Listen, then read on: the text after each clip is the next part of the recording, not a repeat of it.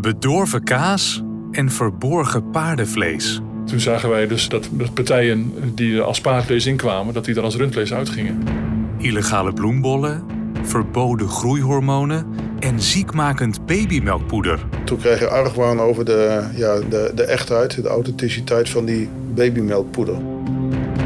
Allemaal fraudezaken op het bordje van de NVWA-IOD. De opsporingsdienst van de Nederlandse Voedsel- en Warenautoriteit. Het is net een soort CSI, alleen wij doen het niet binnen 40 minuten met de reclameblokken.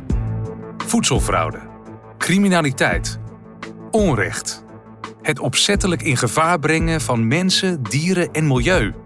De rechercheurs van de NVWA-IOD duiken dag in, dag uit in deze misdaden en werken keihard aan onder andere onze voedselveiligheid.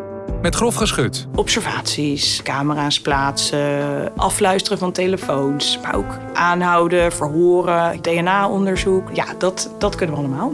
Roet in het eten. In deze podcast neem ik, Ben Prins, je mee door de spannende true crime verhalen van de NVWA-IOD. Hoe track je ongezien een bedorven kaas? Hoe onderzoek je een verdacht pakketje met gevaarlijk poeder? En hoe pak je illegaal verkregen miljoenen af? De rechercheurs van de NVWA-IOD krijgen de meest vreemde, verrassende en ingewikkelde zaken voor hun kiezen. En het zal je nog verbazen hoe spannend hun dagelijks werk is. Eén ding is belangrijk. Fraude mag niet lonen. Never. De podcast Roet in het Eten is vanaf 5 september overal te beluisteren.